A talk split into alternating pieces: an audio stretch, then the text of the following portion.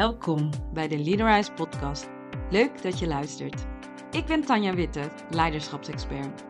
En in deze podcast neem ik je mee in mijn wereld van lef, leiderschap en levenslust.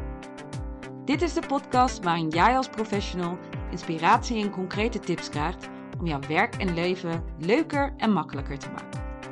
Door zelf je pad te creëren, meer betekenisvolle impact te maken en te genieten van de reis. Ben jij klaar om die volgende stap te zetten? Dan is deze podcast voor jou. Give rise to the leader in you.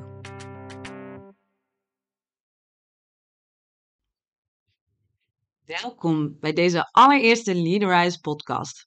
Het is 12 januari 2023. Vandaag bestaat mijn bedrijf Leaderize precies twee jaar. Woehoe! Voor mij het ultieme moment om dit voornemen tot actie om te zetten. Een podcast die jou als professional helpt om je werk en leven leuker en makkelijker te maken. Ik heb er zin in en jij hopelijk ook. Deze podcast gaat over goede voornemens. Januari is voor veel mensen de maand om dit te doen. En waarschijnlijk heb jij er ook een of zelfs meerdere geformuleerd. Of heb jij juist het voornemen om dit jaar geen voornemens te formuleren? Beide scenario's zie ik bij mijn klanten. Mocht je geen specifieke voornemens voor nieuwjaar geformuleerd hebben, houd dan bij het luisteren van deze podcast je doel of doelen in gedachten. Dit gaat je helpen om de inzichten en tips te kunnen toepassen op jouw situatie. En in de podcast zal ik de woorden voornemens en doelen door elkaar gebruiken. Laten we beginnen met het slechte nieuws. Nog geen 10% van de mensen houdt deze voornemens daadwerkelijk vol. En dat vind ik schrikbarend weinig. Daarom leek het me interessant om eens met je in de feiten te duiken en je gerichte tips te geven om het dit jaar wel vol te houden. De feiten. Circa 40% van de mensen definieert jaarlijks doelen. De top 3 van deze doelen wordt gevormd door gezondheidsgerelateerde voornemens. Meer sporten, gezonder eten, gewicht verliezen. Carrière komt op 5. 23% van de mannen en 16% van de vrouwen richt zich op het nastreven van hun carrièreambitie. Veel mensen geven voortijdig op. 23% van de mensen stopt al aan het einde van de eerste week. 64% stopt na de eerste maand. En er bestaat zelfs een zogenaamde Quitters Day, de dag waarop de meeste mensen stoppen. Dit is de tweede vrijdag van de maand. En dit jaar is dat vrijdag de 13e januari. Dus vraag jezelf eens af: waar sta jij met je goede voornemens? Kijkend naar mindset, dan valt me het volgende op.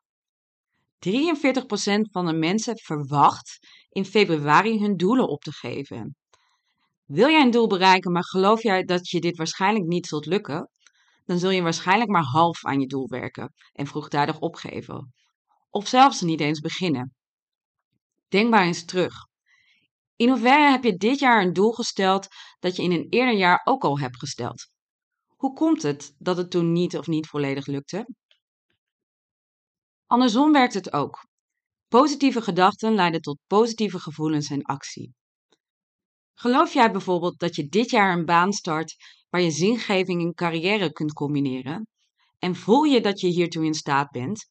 Dan zul je gemotiveerd zijn en actie nemen om dit doel te bereiken. Wellicht ga je solliciteren, spreek je je ambities uit bij je huidige werkgever, ga je netwerken of misschien kijk je wel hoe je meer zingeving vindt binnen je huidige baan. Dus wees je bewust van de link tussen je gedachten, je gevoel en de acties en zorg dat dit een positieve loop wordt. Er zijn drie voornaamste redenen dat mensen hun voornemens niet waarmaken.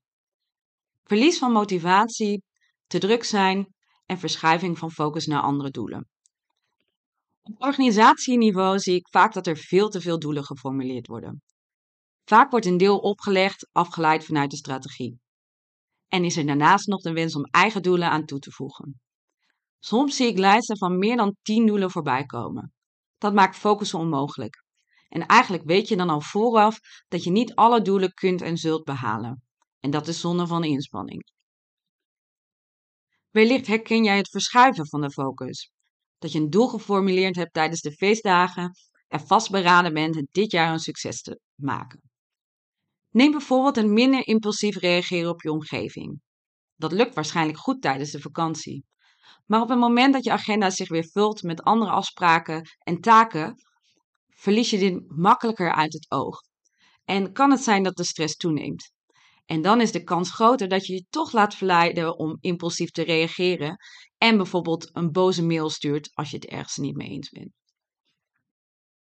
Wat zijn de persoonlijkheidskenmerken die succesvolle mensen onderscheiden van degene die het niet volhouden?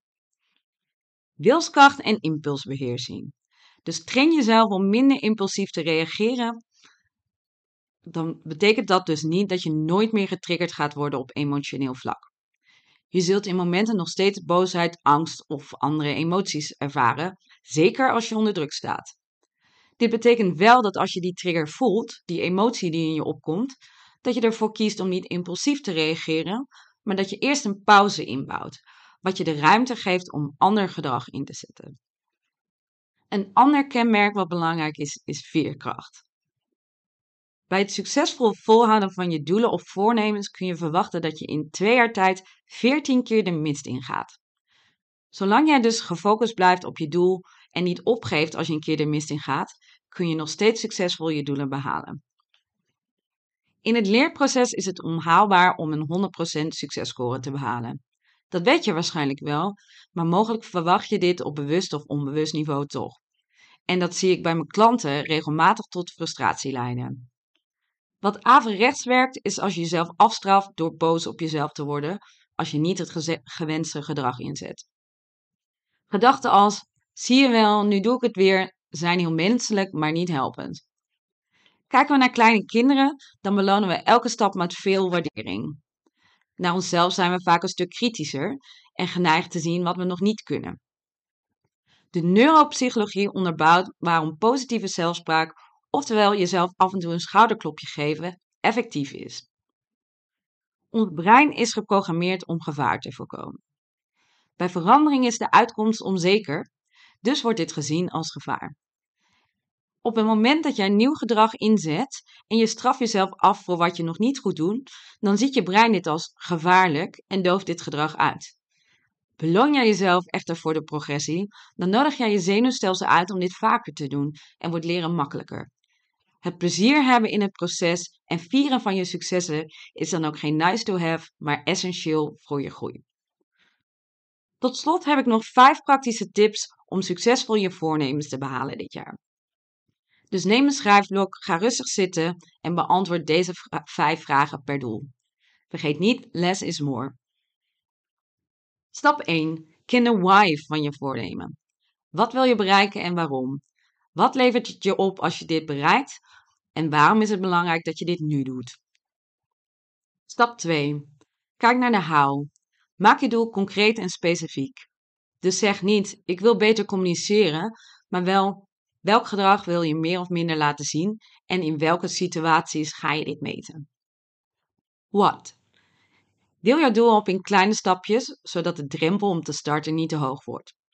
Vraag jezelf af, welke kleine stap die me dichter bij het doel brengt, kan ik vandaag nog zetten? En zorg er vervolgens door dat je dit ook doet. Hoe? Wie is jouw accountability partner? Oftewel, wie maakt je deelgenoot van je voornemens? Dit kan iemand zijn die vergelijkbare doelen nastreeft, maar dit kan ook iemand zijn die niet je doelen deelt, maar die je wel waardeert als medestander in dit proces. Vraag deze persoon vandaag nog deze rol te vervullen. En spreek af dat jij proactief updates zal delen, maar dat het ook gewenst is dat hij of zij regelmatig navraag doet. Zorg ervoor dat je samen successen deelt en viert. En de vijfde, set yourself up voor succes.